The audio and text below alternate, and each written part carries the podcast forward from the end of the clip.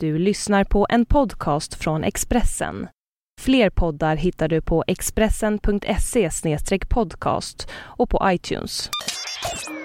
Det här är Expressen Dokument, ett fördjupningsreportage. Varje dag med mig, Johan Bengtsson, som idag läser Annie Reuterskiölds text om oron efter toppmötet. Oljeplattformen Deepwater Horizon exploderade i Mexikanska golfen och mer än 7000 skepp krävdes för att städa bort oljan. Arktis isfyllda vatten är känsligare och mer svåråtkomliga. Här finns bara ett tiotal skepp i relativ närhet till plattformarna.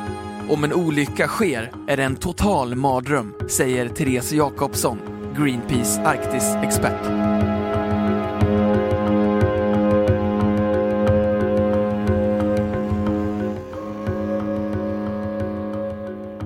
Han gäspar stort och flera gånger.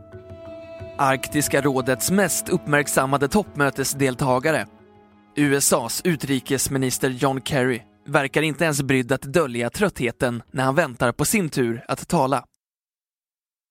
Efter nattens förhandlingar ger de arktiska staternas ministrar sina slutsummeringar i Kirunas stadshus. Den kulturmärkta tegelbyggnaden ska snart rivas. Tre våningar tegel blir för dyrt att flytta när staden måste göra väg för gruvnäringen. Rådets internationella representanter runt bordet är alla överens om att Sverige tagit fram viktiga forskningsrapporter under sina två år som ordförande. John Kerry tar slutligen micken och två saker blir uppenbara. De nordiska ledarna skulle må bra av en amerikansk grundkurs i retorik. Och John Kerry vill att vi verkligen förstår att han och USA tar klimathotet på allvar. Klimatpåverkan har lett till de första arktiska löpeldarna på flera tusen år. Forskningen i alla våra respektive länder är viktigare än någonsin för att vi ska kunna skydda atmosfären, den globala ekonomin, en hållbar matkedja och luften vi andas. Vi måste alla göra mer och det är brådskande, säger John Kerry. En av USAs ledande nyhetstidningar, The New York Times, rapporterade för en vecka sedan att koldioxidhalten i atmosfären översteg 400 miljondelar under ett helt dygn. Det är den högsta koldioxidhalten som uppmätts. Den högsta halten på tre eller fyra miljoner år, fortsätter John Kerry. För att nå klimatmålet på max 2 graders upphettning av den globala medeltemperaturen måste en stor del av redan hittade fossila bränslen som olja och gas stanna i marken. Den senaste rapporten från IEA, International Energy Agency, beräknar att det finns en 50-procentig chans att nå klimatmålet om vi låter två tredjedelar av redan hittade fossila bränslen stanna i marken då ingår inte den arktiska oljan och gasen. Vi borde diskutera hur vi ska låta det redan hittade stanna i marken. Inte gå in och öppna upp för ännu mer olja och gas som ska förbrännas. Upphettningen av temperaturen går dubbelt så fort i Arktis som någon annanstans. Ryssland, USA och Kanada står och pratar om de svåra konsekvenserna och säger att de är väldigt oroliga för klimatförändringarna samtidigt som de sitter i ett annat rum och förhandlar om var och hur vi ska ta upp oljan, säger Therese Jakobsson vid Greenpeace. Det är fel läge att driva frågan om stopp för oljeutvinning i Arktis. Ministermötet i Kiruna är Carl Bildts sista som ordförande i Arktiska rådet. Samma dag som mötet äger rum har han en debattartikel i Dagens Nyheter om varför regeringen inte drivit frågan om stopp av oljeborrningen när man hade chansen. Klädkoden på mötet är Arctic Casual. Carl Bildt möter pressen i en isländsk stickad tröja efter ministermötet. Ett oljestopp ligger inte i det arktiska rådets kompetens. Det är en avvägning som görs område för område, till exempel i Norge den diskussionen måste ske i de olika länderna. Det har varit en betydande debatt i USA och Grönland och vi följer det mycket noga, säger han. TV4s reporter Rolf Porseryd frågar utrikesministern om de kritiska miljörörelserna för mycket ropar efter varg. Nej, men de ropar på fel ställen. Det är viktigt att den debatten förs och den måste föras i de olika länderna, svarar han. Miljöminister Lena Ek är också hon på plats uppe i norr. Som centerpartist har hon länge varit för ett stopp för den arktiska oljeborrningen. Hon kan inte nog understryka hur sårbar miljön allra högst i norr är. Det är väldigt bra att miljöorganisationerna driver på. Det är väldigt känsligt. Alla miljöproblem har vi nästan cirklar runt Arktis. I vädersystem, i luften, i vattenströmmar, säger hon.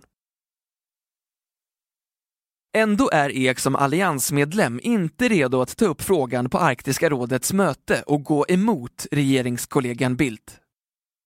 Efter att ha sett nattens förhandlingar tror jag att det hade varit svårt att vara tuffare än vi har varit. Jag tror att ett sådant krav hade hindrat arbetet med till exempel frågan om försurning av världshaven, säger hon.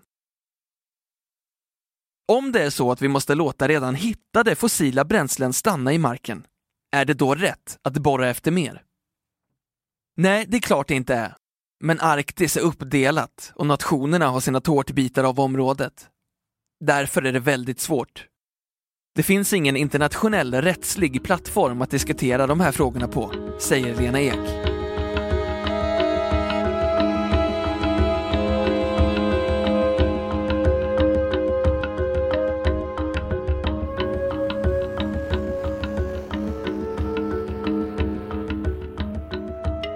Samtidigt i Stockholm går Miljöpartiets språkrör Gustaf Fridolin i taket.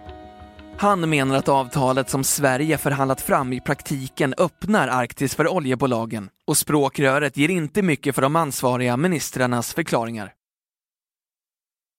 Det bestående avtrycket är stora affärsmöjligheter för aktörer som Gazprom, Exxon och Shell. Notan för alliansens misslyckande skrivs ut på Arktis känsliga ekosystem såväl som på klimat och våra barn.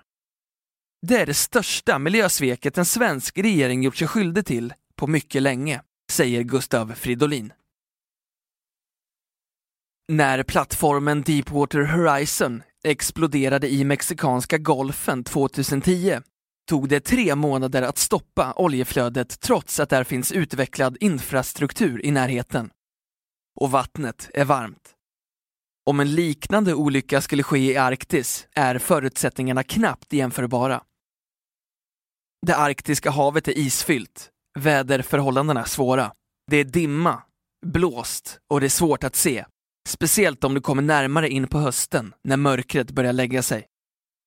Ett stort oljespill skulle kräva att man fort får upp människor, tung utrustning och skepp.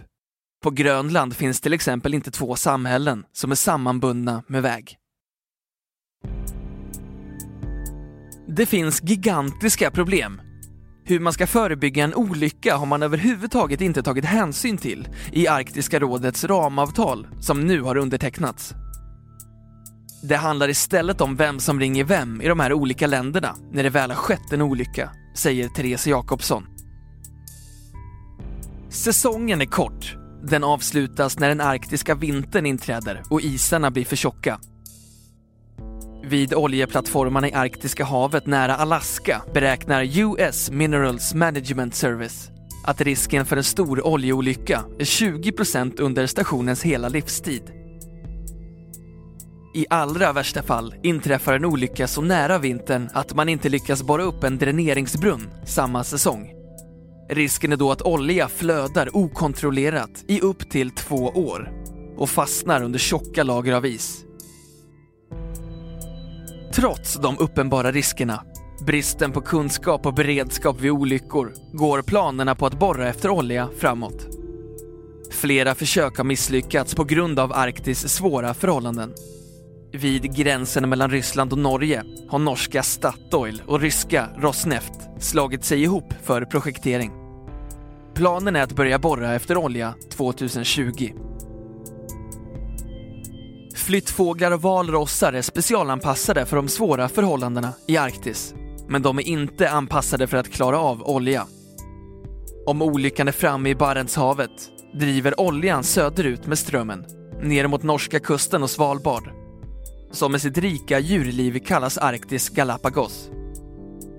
Får djuren där olja i päls eller fjäderdräkt är det första som händer att de förlorar isoleringsförmågan i det kalla vattnet. Sen fryser de ihjäl.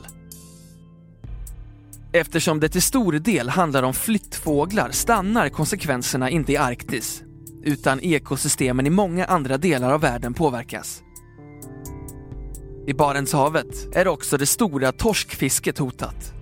Hur fisket skulle fungera efter en stor oljeolycka är kraftigt ifrågasatt. Forskarrapporter har visat att normal oljeproduktion utan stora olyckor har stor effekt på fisken och fisket, bara den. Fiskynglen och rommen är otroligt känsliga, vilket lätt gör att effekterna blir stora. I ett så kallt system tar det lång tid för organismer att återhämta sig. Allt växer så väldigt långsamt. Det finns exempel på kallvattenkoraller här som växer en millimeter om året och kan bli ett par meter höga med tusen år på nacken. Ingen vet hur Arktis djur ska skyddas vid en oljekatastrof. Enligt en kanadensisk firma som är specialiserade på oljesanering finns idag ingen lösning eller metod för att hantera oljespill i Arktis. När fartyget Goda Foss läckte olja utanför Norges kust använde man sig, i brist av bättre metoder, av kvastar och hinkar för att separera oljan från isen. Det finns inga proportioner mellan riskerna och den beredskap som finns. Det finns en sån otrolig brist på kunskap och erfarenhet av hur man ska göra vid en olycka i isfyllda vatten. Vi vet helt enkelt inte hur man gör. Kan man inte hantera en olycka ska man inte borra till att börja med, säger Therese Jakobsson vid Greenpeace.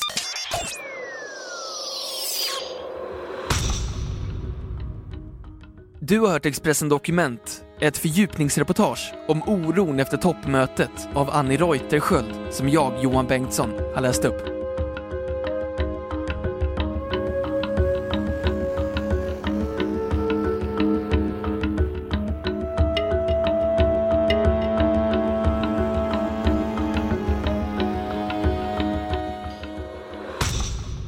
Du har lyssnat på en podcast från Expressen. Ansvarig utgivare är Thomas Mattsson. Fler poddar finns på Expressen.se och på iTunes. Ny säsong av Robinson på TV4 Play. Hetta, storm, hunger. Det har hela tiden varit en kamp. Nu är det blod och tårar. Fan händer just nu. Det. är Detta är inte okej. Robinson 2024, nu fucking kör vi! Streama söndag på TV4 Play.